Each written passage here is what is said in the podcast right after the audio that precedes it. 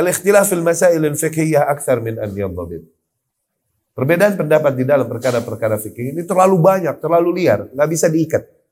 Walau kullama ikhtalafa al-muslimani tahajara, andai saja setiap di dalam satu permasalahan dua muslim berseteru terus mereka langsung musuhan, lam yabqa bainal muslimin ismah wala wud wala ukhuwah. Akhirnya nggak bersisa lagi persatuan, cinta di antara kaum muslimin. Assalamualaikum Ustaz. Waalaikumsalam. Mohon penjelasan. Apakah tahzir hakikatnya adalah maksiat dan kezaliman?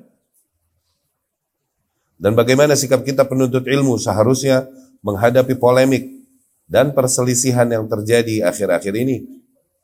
Di antara para asatidah dikarenakan perkara tahzir demikian. Syukran jazakumullah khair.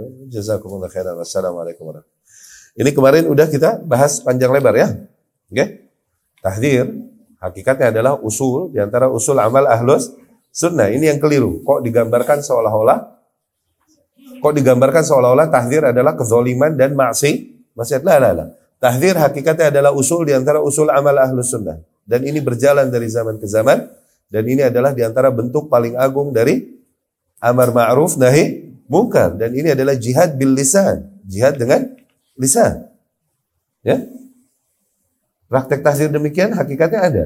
Dan ini di antara bentuk eh, nilai-nilai uh, inti yang ada dan berjalan pada ahlus sunnah dari zaman ke zaman. Al-hadharu wa tahdzir min ahli bidah uh, min minal bidah wa ahliha. Uh, waspada dan memperingatkan manusia dari bid'ah-bid'ah dan dari para ahli ahli bid'ah. Itu ada berjalan. Hakikatnya demikian. Cuma yang terjadi terakhir-terakhir ini kok seolah-olah digambarkan seperti itu adalah maksiat dan kezali, kezaliman. Nah itu keliru. Ya. Tidaklah pobi dan takut kepada tahdir demikian, kecuali kaum yang hakikatnya memang takut di takut dibongkar kekeliruan mereka. Sehingga mereka mengingkari hal tersebut. Biasanya begitu.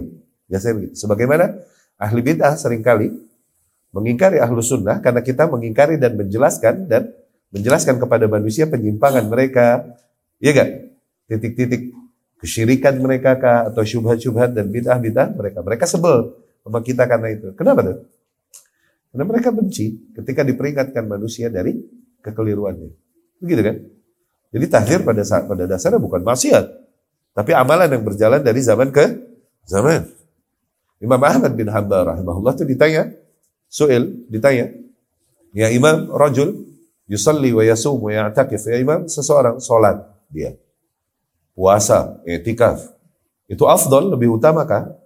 Amman yatakallam fi ahli bidah atau seseorang yang berbicara tentang ahli bidah, yakni menyebut nama ahli bidah memperingatkan manusia darinya. Imam Ahmad bilang, kalau dia puasa, sholat, etikaf, itu li nafsi, kebaikannya cuma buat diri dia doang.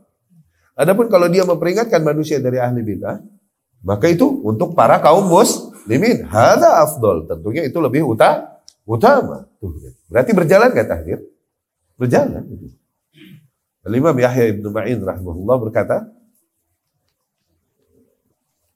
لأن يكونوا خصمائي يوم القيامة أهل البدع خير وأحب إلي من أن يكون خصمي رسول الله صلى الله عليه وسلم بترك الذب عن سنتي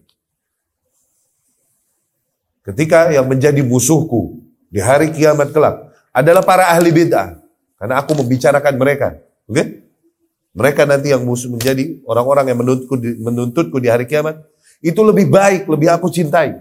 Daripada yang menjadi yang menuntutku nanti di hari kiamat adalah Rasulullah sendiri Sallallahu Alaihi Wasallam. Karena aku diam, tak membela sunnahnya, tak menjaga kemurnian sun, sunnah. Maka praktek tahdir hakikatnya adalah Praktek yang dengannya seseorang menjaga kemurnian sunnah Rasulullah Sallallahu Alaihi Wasallam tuh begitu. Menjaga kemurnian Islam dan itu hak Allah, hak Rasulnya Sallallahu Alaihi Wasallam dan hak agamanya untuk menjaga kemurnian agama agama dari zaman ke zaman. Emang ada praktek tadi. Cuman ada dua kutub kekeliruan di dalam menerapkan dan di dalam menyikapi praktek tahdir ini. Di antaranya adalah satu kutub hulu di dalam tahdir, sehingga mereka menerapkan perkara tahdir pada hal-hal yang harusnya tidak dibawa ke ranah tah, tahdir. Seperti apa? Perkara-perkara yang sifatnya perbedaan furu, ijtihadiyah dan lain-lain. Ini harusnya nggak usah di bawah tah, nggak boleh kita memusuhi salah seorang dari hamba Allah. Karena perkara-perkara perbedaan fikih, furu, ijtihadiyah, ini kita yang zalim, kita yang dosa di hadapan Allah itu. Dan memperingatkan manusia, menyuruh manusia untuk memusuhi si fulan atau si alan. Karena perbedaan furu, karena perbedaan ijtihadiyah, ini kita yang dosa di hadapan Allah Subhanahu wa taala. Kita mendirikan permusuhan kepada hamba Allah tanpa hak. Oke? Okay? Ini sebagian terjadi. Sebagian penuntut ilmu memusuhi penuntut ilmu atau ustadz-ustadz lain karena apa? Misalnya karena masalah pakai video, kemarin kita sebutkan. Karena pakai video ditahdir gara-gara masalah video. Atau karena pakai celana. Karena pakai celana dong. Terus pakai pampers ya nih harusnya. Ya mesti pakai gamis, maunya pakai gamis dah terus. Gitu. Kalau pakai celana berarti udah wah udah menyimpang. Astagfirullah. Perkara furu segala beginian. Oke? Okay? Furu'iyah dia nggak boleh. Al-Imam Ibn Taimiyah rahimahullah berkata, Al-ikhtilafu fil masail al-fiqhiyah, terutama fikih ya. Terutama fi, fikih. Fikih ini yang ijma'nya aja. Fikih, yang ijma'nya aja. Banyak ulama yang khilaf. Padahal ini perkara yang udah diijma, diijmain gitu loh. Itu banyak terjadi khilaf juga ulama. Al-Imam Laith ibn Sa'ad sendiri rahimahullah diriwayatkan darinya 18 kasus yang dia menyelisihi ijma. Dan dia seorang imam ahlus sunnah. Laith ibn Sa'ad. Terutama fikih deh. Al-ikhtilaf fil masail al-fiqhiyah akthar min an yadhabit. Perbedaan pendapat di dalam perkara-perkara fikih ini terlalu banyak, terlalu liar, nggak bisa diikat.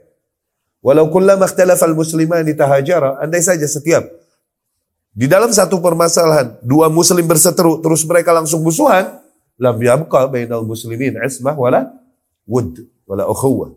Akhirnya nggak bersisa lagi persatuan, cinta di antara kaum ini Nggak boleh. Ini yang dimaksudkan juga perkataan Al-Imam Syafi'i rahimahullah. Ala yasihu an nakuna ikhwanan walau ikhtalafna fi mas'alatin. Emangnya nggak boleh kita jadi saudara. Kalaupun mungkin kita beda pendapat dalam satu permasalahan. Tuh, ini diarahkan perkataan-perkataan bijak para ulama tentang khilaf ini ke arah ikhtilaf yang sifatnya memang syariat membuka peluang ikhtilaf di situ. Di situ memang karena mustahil menyatukan umat di atas satu furu itu mustahil. Mereka yang mau maksain umat di atas satu furu hakikatnya mau pecah belah umat karena mustahil. Gak mungkin. Ya. Ini satu kutub hulu di dalam penerapan tah tahdir. Kayak kurang masalah hidupnya sampai segala permasalahan furu dipakai buat musuhan juga. Akhirnya pecah lagi dan pecah lagi dan pecah lagi nggak bisa habis perpecahan jadi. Ya. Kutub lain ya, bukan bukan hulu tapi anti tahdir total, anti tahdir total. Pokoknya tahdir nggak boleh sama sekali. Dan mencela, mencela-cela mereka yang menerapkan tahdir dengan sebutan jamaah tahdir. Biasanya begitu. Padahal tahdir ini kan syariat ya, jamaah tahdir sebenarnya. Maksudnya kelirunya di mana? Ungkapan dari redaksi sendiri ya, jamaah tahdir. Yang di jamaah yang menerapkan salah satu bentuk usul syariat. Salah nggak sih? Sebenarnya. Begitu ya? Tapi mungkin yang dimaksud adalah yang gulu tadi kali ya. Tapi ya Allah alam. Cuman dari ungkapan-ungkapan yang kelompok yang sebelah sini nih, emang bikin manusia pobi, pobi totally, tabu totally dari perkara ta, tahdir. Nah ini salah juga. Akhirnya meleng. Gak waspada. Gak disiplin di manhaj. Masuklah ke barisan demikian orang-orang yang sering kali pada dasarnya tidak berada di atas manhaj ahlus sunnah. Cuma zahirnya seolah-olah sunnah, seolah-olah salafiyah. Namun membawa pemikiran-pemikiran, misalnya pemikiran-pemikiran ikhwanul muslimin. Ada. Terlihat dari cara mereka nanti menyikapi pemerintahan. Oke? Okay? Menyikapi kerusuhan dan lain-lain. Ini akan tampak. Inilah, kalau kita dengar ceramah Syekh Muhammad bin Umar Bazmul yang dibilang sururiyah. Kalian akan melihat mereka mengajarkan buku-buku, kitab-kitab akidah ahlus sunnah seolah-olah. Tapi celaan mereka kepada ahlus sunnah yang menjaga kemudian ahlus sunnah nggak nggak sabar lagi, jelas. Bahkan sering kali membawakan pemikiran-pemikiran dan ide-ide dan praktek-praktek yang tidaklah dilakukan oleh salaf. Ketika pemerintahan melakukan sesuatu, oke? Okay? Menurut mereka ini mungkar, menurut mereka ini mungkar. Mereka bikin taklim dan menjelaskan kemungkarannya. Tuh. Ke mana ini arahnya ke mana? Kalau bukan menggiring kebencian masyarakat kepada penguasa. Apakah ini sesuai dengan gaya salaf? Kalaupun salah, kalau salah pemerintah ya kalau salah. Kalaupun salah kita nggak boleh ngebongkarnya di tempat umum. Kesalahan penguasa. Kaidah kita udah jelas ini di dalam hal ini. Iya kan? Kalaupun salah. Apalah lagi sebenarnya bukan perkara yang nggak salah juga. Bukan bukan perkara yang salah juga yang dilakukan penguasa, cuman emang nggak sesuai aja dengan selera mereka. Mereka buat khutbahnya kah atau ceramahnya kah menegaskan tentang poin-poin yang lagi rame baru dilakukan oleh penguasa gitu. Misal penguasa menentukan beberapa dari antara masyarakat membahayakan keamanan masyarakat sampai akhirnya menindaknya sampai akhirnya maaf menumpahkan darahnya. Dan itu hak penguasa. Mereka yang menentukan hal itu dan mereka yang boleh mengeksekusinya. Nggak boleh kita melakukannya sendiri tanpa Penguasa. Ini penguasa yang melakukan. Ini nggak terima hal demikian, bikinlah ceramah-ceramah yang mengingkari hal itu. Bilang haramnya darah kaum muslimin dan lain-lain. Ini tujuannya mau ke mana? Kalau bukan menggiring kebencian para masyarakat dan kekecewaan masyarakat kepada penguasa. Tujuannya mau ke mana? Kalau bukan itu. Nah masuk tuh yang kayak gini di sini. Kenapa? Karena nggak ada tadi peringatan, nggak ada tah tahdir. Akhirnya dikira semua yang maaf maaf semua yang dari Timur Tengah, semua yang berjenggot, semua yang ngatung, dikata salafi aja. Padahal nggak demikian. Karena anti tah, tahdir ini. Efeknya Tapi lucunya, fun fact ya, di waktu yang sama mereka anti tahdir. Tapi di waktu yang sama mereka juga tahdir. Kepada mereka, kepada orang-orang yang nggak se-vibes sama mereka, yang nggak se yang nggak segelombang sama mereka, nggak mau nurut arus mereka dan nggak mau ngikutin mereka, itu ditahdir. Ya ini keli, keliru dua-duanya. Harusnya ini ilmiah. Kalau kita mendengar tentang perkara tahdir ya akhi, yang pertama ini adalah hal yang ada berjalan di zaman itu. Ada kasus tahdir demi, coba ilmiah. Kenapa nggak ilmiah? Kenapa nggak ilmiah? Kenapa langsung baper dan langsung musuhin? Oh nggak mau dah, anda nggak mau dengar dia soalnya dia tahdir dia. Tuh ini mah kekelompokan. Kita ini ahlul hak. Yang kita belain hak, loyalitas kita, wala dan barok kita kepada hak. Bukan kepada person, bukan kepada orang, bukan kepada organisasi, bukan kepada mazhab. Bukan, awas. Itu ta'asub, taklid, dan segala bentuknya itu. Oke? Okay? Tahazub, tuh, berkelompok demikian itu. Wala dan baro adalah kepada kelompoknya. Benar atau salah adalah apa yang dikatakan kelompoknya atau tokoh yang dicintai dan diagungkannya. Tuh. Yang dia bela adalah orang-orang yang dibela oleh tokohnya. Yang dia musuhi adalah orang-orang yang dimusuhi oleh tokohnya. Itu mah tahazub namanya, nggak ilmiah lagi. Ketika mendengar tahdir, coba dengar. Coba cari tahu. Perkara apa yang ditahdir? Kenapa nggak mau? Kenapa nggak lebih ilmiah? Kenapa langsung taruh benteng baper dan langsung nggak mau tahu? Kenapa begitu? Jangan-jangan kita yang sebenarnya nggak mau mendengar kebenaran. Eh. Kita menerapkan perkara tahdir ikhwati rahimakumullah pada kasus-kasus error yang sifatnya usul. Pada kasus error yang sifatnya u, usul. Usul akidah, manhaj yang nggak boleh ada perbedaan pendapat di situ. Dan itu tampak dari seseorang errornya. Oke? Okay? Itu dari ucapannya kah? Atau dari sikapnya kah? Dari pernyataannya kah? Itu ketahuan. Ada error usul di situ. Nah, sekarang seseorang bisa mentahdir orang lain. Kenapa nggak kita cek dulu? Apa alasannya?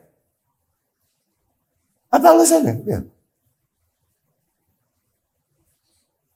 Kenapa mau langsung ambil, pokoknya mau ambil langsung kelompok dan lain-lain tanpa mau tahu ala alasannya kenapa? Ya, ini kan akhir-akhir ini perselisihan akhir-akhir ini terjadi ini yang dibahas adalah laskar jihad kan kemarin yang ditanyakan, ya kan? Tayyib. Yang diingkari karena karena misal boleh nggak penuntut ilmu? Anda nggak mau dengar dia. Kenapa? Soalnya dia ex laskar jihad. Pendirian laskar jihad di antara para ahli ilmu sendiri, di antara ulama, ini perkara yang sifatnya ijtihadiyah. Ada ulama yang nggak setuju, tapi banyak yang setuju juga. Bahkan bisa didatangkan bukti tertulis, jelas kok. Ada itu. Nah berarti kalau para ahli ilmu berbeda pendapat, perkara apa tuh? Boleh nggak kita musuhin orang karena perkara dia? Tuh, jadi kalau ente nggak mau denger dia, jangan karena dia laskar jihadnya. Ente yang dosa kalau gitu. Kau memusuhi seseorang karena perkara Anda nggak mau denger dia. Kenapa? Soalnya dia tahdir-tahdir. Loh, seorang di antara hamba Allah menasehati para makhluk, memperingatkan dari orang-orang yang membawa kepada penyimpangan. Tahdir misal. Ente nggak mau dengerin dia karena itu? Siapa yang salah? Seseorang di antara hamba Allah menerapkan bentuk syariat. Yang ini memperingatkan manusia dari orang-orang yang membawa syub. Nah, kemudian nanti musuhin dia karena itu. Siapa yang dolim kira-kira? Maka jangan dulu ambil sikap, cari tahu dulu. Coba cari tahu, kenapa nggak belajar cari tahu? Apa urusan apa nih? Wah, terjadi tahdir demikian. Coba cari tahu dengan keterbatasan ilmumu. Setelah itu, ikuti ilmu yang ada padamu, bukan ikuti kaummu atau gengmu, jangan. Udah aku ber beragama sebatas ilmu yang Allah bukakan padaku udah. Ya, aku tahu ini bukan permasalahan yang sebenarnya seseorang harus memusuhi. Kalau gitu aku nggak mau musuhinya. Terserah. Kalau dia bilang, enggak, ini permasalahan yang emang harus tegas kita. Dan ini emang merupakan penyimpangan yang kita harus tinggalkan dan lain-lain. Ah, ikuti ilmu masing-masing. Dan pengingkaran, jangankan di antara ahlu sunnah dengan ahli bid'ah. Di antara para ahlu sunnah pun terjadi bantah-bantahan ilmiah dari zaman ke zaman. Dan ini ilmiah aja. Kenapa baper? Imam Malik dengan akrannya, Imam Yahya bin Ma'in tadi yang kita sebutkan dengan Imam Syafi'i ada ributnya. Imam Suyuti dengan Imam Sakhawi, dua-duanya Al-Azhar, dua-duanya Mesir, cuman yang satu Asyut, yang satu Kairo. Nah ini hantam-hantamannya pakai kitab. Bikin kitab jawab, bikin kitab jawab, bikin kitab jawab. Uf. Luar biasa. Ini terjadi dari zaman ke zaman. Kenapa jadi pobi banget sama perkara demikian dan harus dipusingkan? Kenapa? Hah? Iya gak? Dan kemudian, yang kita serukan manusia ini kita serukan kepada Allah, kepada agamanya. Bukan kepada kelompok, bukan kepada makhluk. Awas, ya. Kita nggak boleh musuhin orang, anda nggak mau dengerin dia. Kenapa? Soalnya dia belum datengin orang yang aku agungkan dan soan kepadanya. Nah itu mah itu lagi menyeru kepada makhluk itu mah. Bukan menyeru kepada agama. Paham ya? Anda nggak mau dengerin dia. Kenapa? Soalnya dia mengingkari orang yang Anda agungkan dan menyampaikan hal-hal demikian tentang orang yang Anda agungkan. Ini mah ente lagi ngebelain manusia, lagi ngebelain makhluk, bukan lagi ngebelain Allah. Allah bukan lagi ngebelain agamanya. Kalau alasannya itu, kalau alasannya itu. Maka pelajari. Ya. Dan kemudian juga kita sampaikan di dalam hal-hal membingungkan demikian sesungguhnya tuntunan Rasulullah Sallallahu Alaihi Wasallam komplit, lengkap. Rasul Sallallahu Alaihi Wasallam ditanya di, di um, hadisnya Ummul Mukminin Aisyah radhiyallahu anha ketika ditanya dengan apa Rasul Sallallahu Alaihi Wasallam membuka sholat malamnya, iftitah sholat malamnya, ada doanya. Allah eh, Ummul Mukminin Aisyah radhiyallahu anha bahwa saya Rasul membuka salatnya salat malamnya dengan bacaan Allahumma rabba Jibril wa Mikail wa Israfil. Ya Allah Tuhan Jibril Tuhan Jibril Mikail dan Israfil Fatiras samawati wal ard Zat yang menciptakan langit dan bumi Alimul ghaibi wa syahadah Zat yang mengetahui perkara-perkara yang gaib atau perkara-perkara yang tampak Anta tahkumu baina ibadik fi makanu fihi yakhtalifun. Engkaulah yang menghukumi di antara hamba-hambamu pada perkara-perkara yang mereka berselisih pendapat padanya. Ihdini lima ikhtulifa fihi minal haqqi biiznik.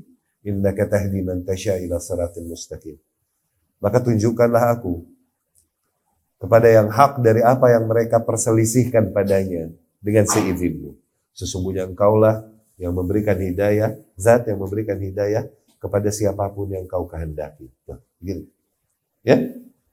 Jawas, dalam demikian kita harus menjaga keikhlasan. Apa? Kita nih mau mengambil sikap atau mau ikut komentar karena apa? Lagi karena membela Allah Subhanahu wa taala dan rasulnya dan agamanya sallallahu alaihi wasallam atau lagi ngebela kelompok, lagi ngebela makhluk, lagi ngebela organisasi, lagi ngebela vibes kita, eh?